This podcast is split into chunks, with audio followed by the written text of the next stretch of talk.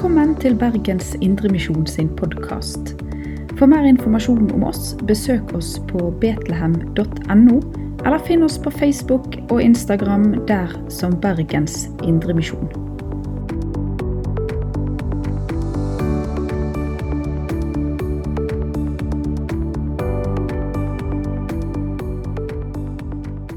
Skal vi se.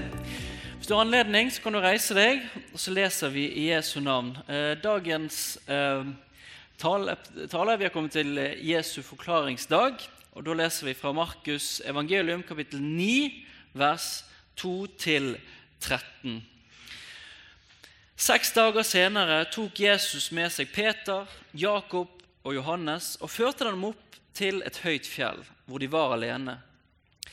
Der ble han forvandlet for øynene på dem, og klærne hans ble så skinnende hvite at ingen som bleker klær her på jorden, kan få dem så hvite. Elia viste seg for, for dem sammen med Moses, og de snakket med Jesus. Der tok Peter til orde og sa til Jesus, 'Rabbi, det er godt at vi er her. La oss bygge tre hytter, en til deg, en til Moses og en til Elia.' Han visste ikke hva han skulle si, for de ble grepet av stor frykt. Da kom, en, da kom det en sky og skygget over dem, og det lød en røst fra skyen. Dette er min sønn, den elskede. Hør ham. Og med ett, da de så seg omkring, så de ingen annen enn Jesus. Bare han var hos dem. På veien ned fra fjellet påla han dem at de ikke skulle fortelle noen hva de hadde sett, før menneskesønnen var stått opp fra de døde. De tok, til, de tok, til, de tok til seg dette ordet, og de diskuterte seg imellom hva det er å stå opp fra de døde. Og de spurte ham, 'Hvorfor sier de skriftlærde at Elia først må komme?' Han svarte, 'Elia kommer først og setter alt i rette stand.' Men hvordan kan, da, hvordan kan det da stå skrevet om menneskesønnen at han skal lide mye og bli foraktet? Jo, jeg sier dere, Elia er allerede kommet, og de gjorde med ham som de ville slik det står skrevet om ham. Gode Gud, ditt ord er sannhet. Hellig oss i sannheten. Må du åpne våre hjerter og våre ører i dag, sånn at eh, vi kan være mottagelige for, for ditt ord. Eh, må det være eh, ja, til styrke og oppmuntring, det vi skal høre i dag. Amen.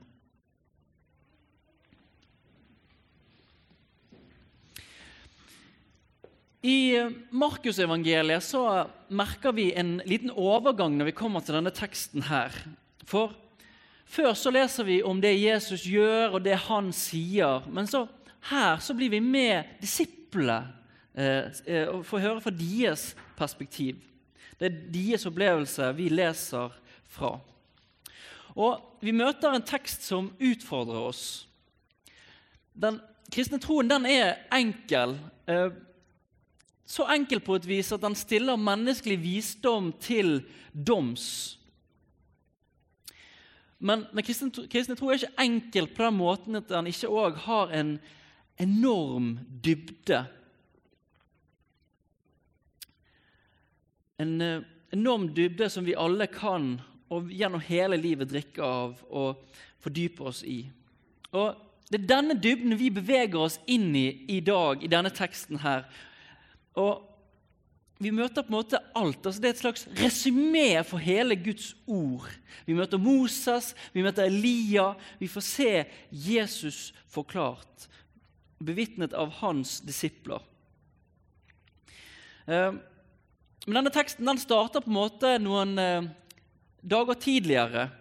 Og Denne perioden det må ha vært en ganske intens opplevelse for eh, disse disiplene. Peter, Johannes og Jakob, og kanskje mest av alt for Peter. Og det, jeg tror de må ha vært en skikkelig berg-og-dal-bane. For I kapittelet før så leser vi om at Peter han bekjenner du er Messias. Du er den som skal komme. Og Da befinner han seg på et berg. Han er, må være høyt oppe. Men så starter Jesus, hans mester, Messias, menneskesønnen, og snakker om at menneskesønnen må lide mye og bli forkastet av de eldste, overprestene og de skriftlærde. Han skal bli slått i hjel, og tre dager etterpå så skal han stå opp. Og Dette må ha sjokkert Peter, for han tar Jesus til side og så irettesetter han og sier dette må aldri skje deg.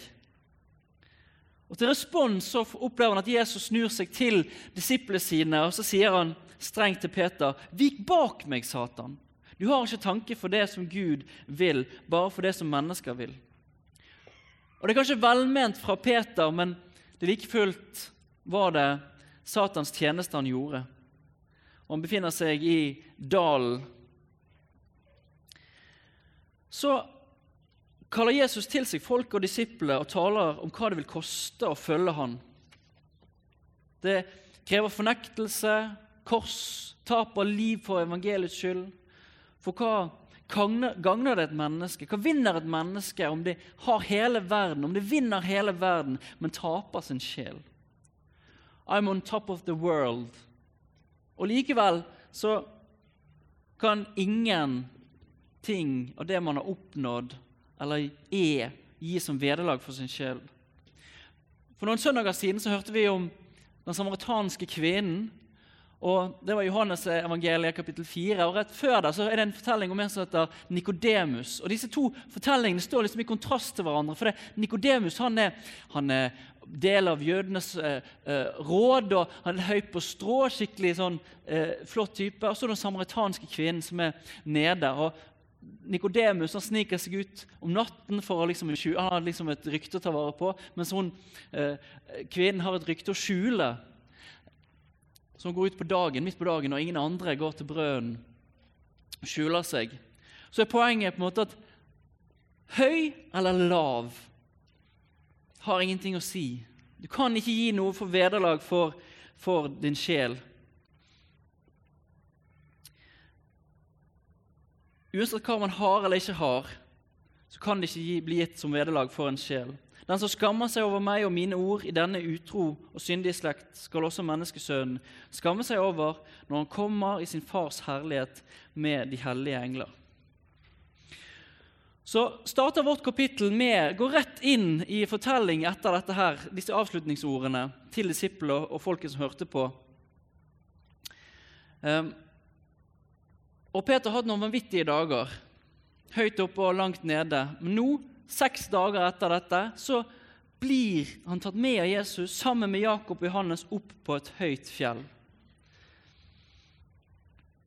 En emosjonell berg-og-dal-bane som faktisk ender opp på et berg. Og Der får han oppleve noe vanvittig stort som kanskje bare kan måle seg med når han får lov til å stå på, eh, på oppstandelsesfjellet med Jesus i Galilea. Det Peter her opplever, det blir grunnlag for, som jeg skal komme litt tilbake igjen, mye av det han, som han, grunnlaget for det han har som kall og etterfølgelse. For Her på dette fjellet så får han se Jesu herlighet, hans guddommelighet. Omtrent seks dager etter han har bekjent at Jesus er Messias, så får han nå virkelig oppleve at dette stemmer. Der blir han forvandlet foran øynene på dem. Og klærne hans ble så skinnende hvite at ingen som bleker klær her på jorden, kan få dem så hvite. Jesus skinner. Vi sier i vår bekjennelse at Jesus han er lys av lys, sann Gud av sann Gud. En av dem er den eh, eh, nikenske trosbekjennelsen. Og det er han i sitt innerste vesen. Og det Peter først uttrykte i den bekjennelsen 'Du er Messias', det blir her synlig. Og Her på fjellet så går ekkoene tilbake til Gamle testamentet. Sånn som Pål snakket om med Moses som kommer ned fra Sinai. Så, så møtte Gud ham der på Sinafjellet, og så stålt, strålte det fra ansiktet hans. En avglans, en refleksjon av det han hadde møtt og sett overfor Gud.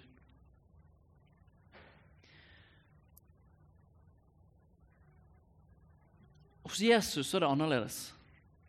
Her kommer det innifra. Som Guds sønn så er han selve lyset. Og Så kommer Moses og Elia til syne, og de snakker med Jesus.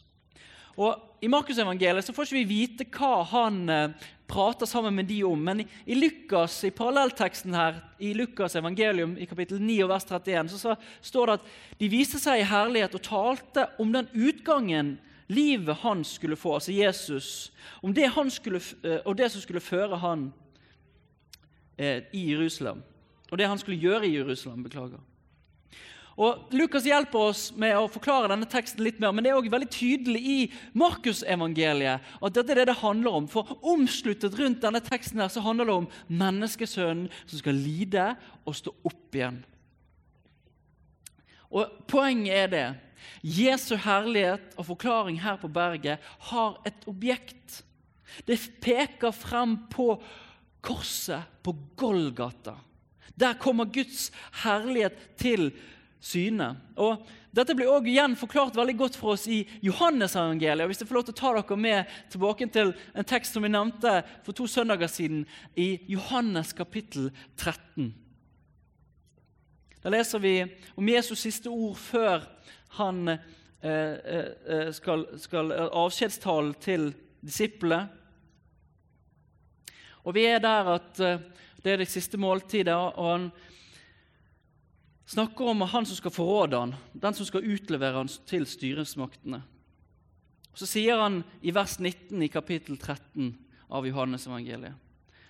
Nå sier jeg dette til dere før det skjer, for at dere, når det skjer, skal vite at, at skal tro at jeg er. Ego eimi. Yahweh. Jeg er. Jeg er Messias. Jeg er Gud. Han er Ordet, og Ordet ble menneske. Og det er Gud som kommer til mennesket. Det er Gud som lever et liv vi ikke får til. Det er Han som oppfyller loven, og som oppfyller Guds eget rettferdighetskrav for synden. Det er Han som er veien, sannheten og livet. Og Så forlater Judas disiplene og Jesus den kvelden her. Og Så står det i vers 31 og 32.: Nå ble menneskesønnen herliggjort. Og Gud ble herliggjort gjennom ham. Og, Gud, og er Gud blitt herliggjort gjennom ham, skal Gud også herliggjøre ham og gjøre det snart. Det handler om korset. Det er òg et poeng i vår tekst i kapittel 9, her på Forklaringens berg, når Jakob, Peter og Johannes er med Jesus opp på fjellet. Og så har den en parallelltekst i Markusevangeliet når Jesus tar med seg de samme disiplene inn i Getsemanehagen. Så tok han med seg Peter, Jakob og Johannes. Han ble grepet av angst og gru, og han sa til dem, 'Min sjel er tynget til døden av sorg. Bli her og våk.' Det har sin parallell der. Det går fra Forklaringsberg til Getsemane, til korset. Vi er på fjell hele veien.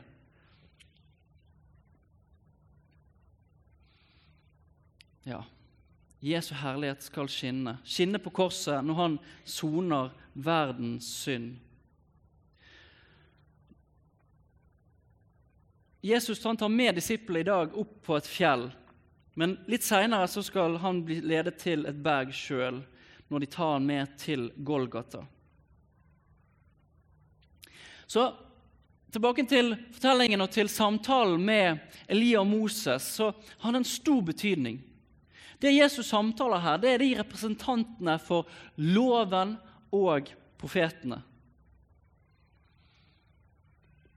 Og Det er mange fortellinger vi kan knytte denne her forklaringen til. Eh, men spesielt jødene når de blir fridd ut, eller israelittene når de blir fridd ut av Egypt og så blir de tatt til Sinai-fjellet. Så mottar de Moseloven der. Nå kommer Jesus med en oppfyllelse av den. Og Elia representerer profetene, og Jesus er den det handler om. Her står han og Moses som fysiske uttrykk for at loven og profetene peker frem mot Jesus. Og når Jesus taler til disiplene etter hans død, eh, noen av disiplene, de såkalte Emmaus-vandrerne, eh, i Lukas så er historien at de går fra Jerusalem sørgmodig. Jesus har dødd. De, de, de, skjønner ikke helt hva som skjedde. Noen har snakket om at han har stått opp igjen. Og så kommer Jesus til dem. Hva er det som har skjedd? Og de forklarer til han, og så sier han til dem så for uforstandige dere er, så treige dere er til å tro alt det profeten har sagt. Måtte ikke Messias lide dette og så gå inn i sin herlighet? Og han begynte å utlegge for dem det som står om ham i alle skriftene, helt fra Moses av og hos alle profetene. For hør hva profetene sier. Hør hva det faktum at Moses og Elia taler til Jesus på Forklaringens berg, innebærer. Vi leser i Jesaja 53, vers 1 til og med 5. Der står det Hvem trodde budskapet vi fikk? Hvem ble Herrens arm åpenbart for? Han skjøt opp som en spire for hans ansikt, som et rotskudd av tørr jord. Han hadde ingen skikkelse, herlig skikkelse vi kunne se på, ikke et utseende vi kunne glede oss over. Han var foraktet, forlatt av mennesker, en mann av smerte, kjent med sykdom, en de skjuler ansiktet for. Han var foraktet, vi regnet ham ikke for noe. Sannelig, våre sykdommer tok han, våre smerter bar han. Vi tenkte han er rammet, slått av Gud og plaget. Men han ble såret for våre lovbrudd, knust for våre synder. Straffen lå på ham, og vi fikk fred. Ved hans sår ble vi helbredet. Responsen for disse Emmaus-vandrerne den er så flott, den er så fin. Brant det ikke hjertet, oss, hjertet i oss når han talte til oss på veien og åpnet Skriftene for oss? Og Sånn oppleves det når man får lov til å se hvem Jesus er. Og Da håper jeg at det òg gnistrer litt i ditt hjerte i dag. Men han ble såret for våre lovbrudd, knust for våre synder. Straffen lå på ham. Vi fikk fred, og ved hans sår er vi blitt helbredet. Og det er nok, Dette med å brenne i hjertet er nok et begrep som kan beskrive hva Peter kjente på når han sto der på fjellet. Um, han tar til orde og var litt usikker på hva han skulle si. Og Kanskje skulle han latt være å si noe i det hele tatt. Men noen ganger, jeg vet ikke om dere har vært i en sånn samtale med noen som, som fører en samtale som går liksom fullstendig over hodet på deg, egentlig. Men du står nå der, sant? og så prøver du liksom å pitche inn, du har lyst til å delta, og så er du bare, faller det helt dødt. Du, ikke, nei, du må merke at dette her, det, det var bom. Jeg, eh, jeg, skjønner ikke Jeg er ikke med. Jeg henger ikke med. Ja, Det var nok sånn for Peter. Han blir grepet av stor ærefrykt, og så sier han, 'Rabbi, det er godt at vi er her.' La oss bygge tre hytter. En til deg, en til Moses og en til Elia.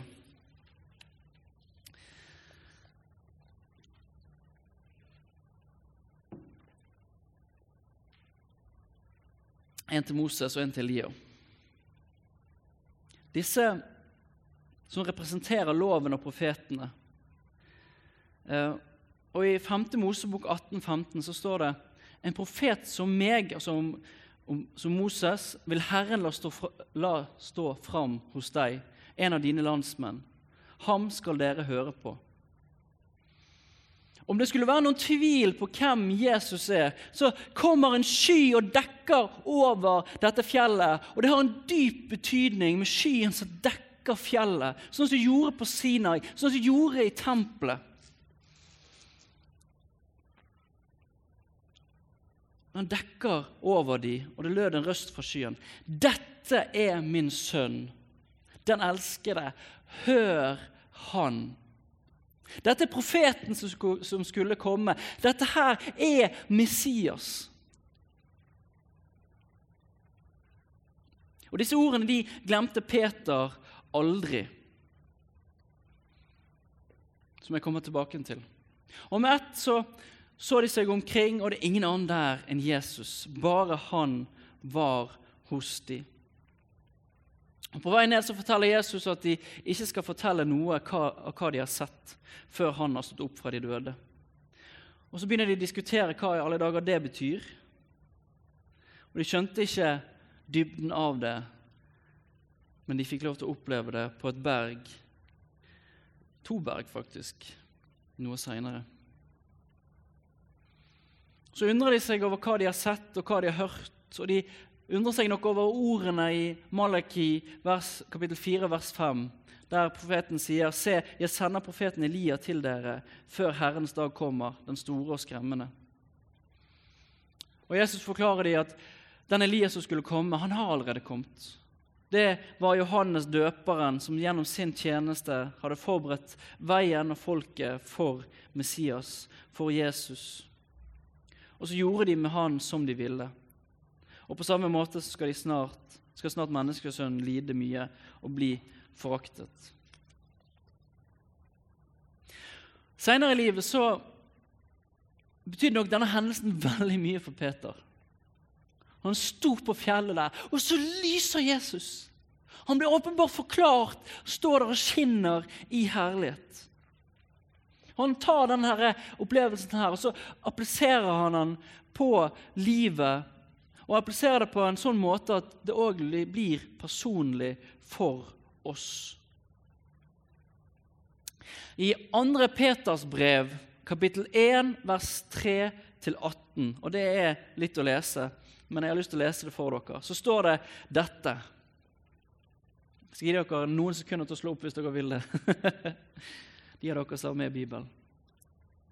Andre Peters brev, kapittel 1, vers 3-18. Ja, alt vi trenger for å leve i Guds frykt, har Hans guddommelige makt gitt oss i gave, ved at vi kjenner Ham som kalte oss ved sin egen herlighet og makt. Slik har vi, oss, slik har vi fått de største og mest dyrebare løfter. Ved dem skulle dere få del i guddommelig natur når dere har sluppet unna forfallet som kommer fra lystne i verden. Sett derfor all deres iver inn på å la troen føye sammen med et rett liv og dette rette livet med innsikt. Innsikten med selvbeherskelse. Selvbeherskelsen med utholdenhet. Utholdenheten med gudsfrykt. Gudsfrykten med søskenkjærlighet, og søskenkjærligheten med kjærlighet til alle. For dersom alt dette finnes hos dere og får vokse, da vil dere ikke være uvirksomme og uten frykt dere som kjenner vår Herre Jesus Kristus. Men han som mangler dette, er nærsynt, ja, blind, og har glemt at han har blitt renset for sine tidligere synder. Derfor, søsken, må dere sette enda mer inn på å holde fast ved deres kall og utvelgelse. Gjør dette, skal dere aldri falle. Da skal inngangen til vår Herre og Frelser Jesu Kristi evige rike stå vidåpen for dere. Derfor vil jeg stadig minne dere på ny om alt dette. Ennå dere kjenner til det og er grunnfestet i den sannheten som er kommet til dere. Jeg, mener det er riktig å holde dere våkne ved å minne dere om dette så lenge jeg bor i dette teltet. For jeg vet at mitt telt snart skal tas ned. Det har, nå, det har vår Herre Jesus Kristus latt meg vite. Og jeg vil gjøre mitt ytterste for at dere alltid skal huske dette, også etter jeg er gått bort. Og hør nå, hør nå. Vi fulgte jo ikke, eh, fulgte jo ikke klokt uttenkte myter da vi kunngjorde for dere vår Herre Jesu Kristi kraft og Hans komme. Nei, vi var øyevitner og så Hans guddommelige storhet. For han fikk ære og herlighet av Gud sin far den gang røsten lød over ham fra, høyeste, fra den høyeste herlighet. Dette er min sønn, den elskede, i ham. Dette er min sønn, den elskede, i ham har jeg min glede. Vi hørte sjøl den røsten fra himmelen da vi var sammen med ham på dette hellige fjellet. Så alt vi trenger til vårt kristne liv, har Hans guddommelige makt gitt oss i gave. Og hvordan vet vi det? Hvordan vet vi det? Jo, Peter han sier det jo fordi vi så ham på fjellet. Hør han. Fordi vi så hans herlighet på fjellet, så hør han, og la troen føye sammen med et rett liv. Gjør dette rette livet med innsikt, innsikten med selvbeherskelse, selvbeherskelse med utholdenhet, utholdenheten med gudsfrykt og gudsfrykten med søskenkjærlighet, og søskenkjærligheten med kjærlighet til alle. Og Hvorfor vet vi dette? her? Hvorfor kan vi være trygge på det? Jo, for vi så han på fjellet. Hør han. Og Hvorfor det? Fordi han fikk ære og herlighet av Gud sin far den gang røsten lød over ham for det høyeste herlighet. Den høyeste herlighet. Dette er min sønn, den elskede. I ham har jeg min glede. Alt vi trenger, har vi fått fordi han er Herre. Han er lys av lys, sann Gud av sann Gud. Han er den profetene vitner om. Han er den profet som skulle komme, som Moses taler om. Han er den som oppfyller den loven de fikk på Sinai. Han er den som lever et liv vi ikke fikk til. Døde en død vi ikke vi kan dø, og stå opp til en seier vi ikke kunne vinne. Men som vi har fått av Han og så har vi fått alt det vi trenger til vårt kristne liv. Og Hvorfor vet vi det? Jo, fordi at han sto fram. Vi så det, vi hørte det.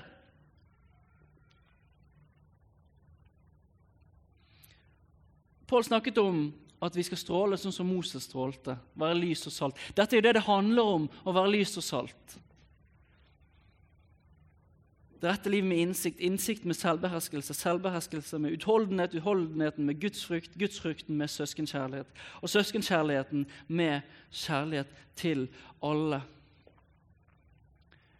Det å være lys og salt og skinne. Men her på dette fjellet i Markusevangeliet kapittel 9 så står Jesus helt konkret med vitner fra den gamle pakt, med Elia og Moses de som representerer loven og profetene. Og Sammen så snakker han om, med de som snakker om sin lidelse og død. Peter han snakker om hans guddommelige storhet. Og hvorfor det er blitt anker for han til det kristne livet. Og Et annet perspektiv på det samme det uttrykker Paulus i 1. Korinterbrev kapittel 1, vers 23 og 25. Men vi forkynner en korsfestet Kristus. Han er en snublestein for jøder og dårskap for hedninger. Men for dem som er kalt, både jøder og grekere, er Kristus Guds kraft og Guds visdom. visdom. For Guds dårskap er visere enn menneskene, og Guds svakhet er sterkere enn menneskene. Dette er min sønn, den elskede. Hør han. Og Så møter vi i teksten her et allerede ennå ikke Kristus som står fram i herlighet, skinnende med eh, sine klær. Og så vet vi at vi også skal få lov til å se Han komme i herlighet for å dømme levende og døde, sånn som vi bekjenner. Og så skal vi òg få lov til å ikle oss disse hvite kappene. Det håpet vi, vi, vi får møte her. Håpet om det evige liv. Det håpet som fra dette fjellet peker frem på Golgata, hvor all verdens synd ble forsont, hvor Kristus vant en seier over død. Han har blitt gitt all makt i himmel og på jord. Jesus ble forvandlet for disiplene, framfor disiplene, Johannes Peter og Jakob. Og I lys av det som skjer på Golgata, er det vårt håp at han skal komme igjen. Og vårt håp er òg at han en gang skal kle oss i hvite kapper som skinner. Vi som ved dåpen er ikledd Kristus. Kjermiske Far, bare takker deg for at du sendte din sønn til jorden. Og Dette er kjærligheten, ikke at vi har elsket deg, men at du har elsket oss og sendte din sønn til soning for våre synder. Kjære Herre Jesus Kristus.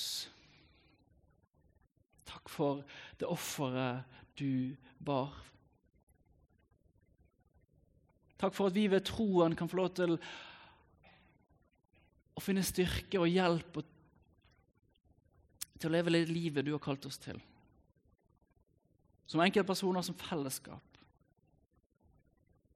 Og det er ankeret. Du er ankeret for vår tro. Du er ankeret for vårt liv i etterfølgelse.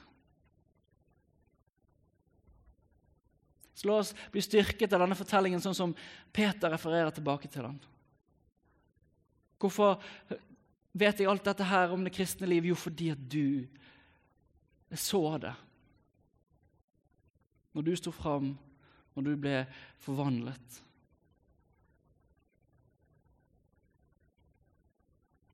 La dette få lov til å være sånn som Emmaus-vandrerne, noe som brenner i vårt hjerte når det blir åpenbart for oss hvem du er, og hvordan hele Bibelen som en rød tråd peker frem mot deg, Jesus. Du har lytta til Bergens Indremisjon sin podkast. For mer informasjon om oss, besøk oss på betlehem.no, eller finn oss på Facebook og Instagram der som Bergens Indremisjon.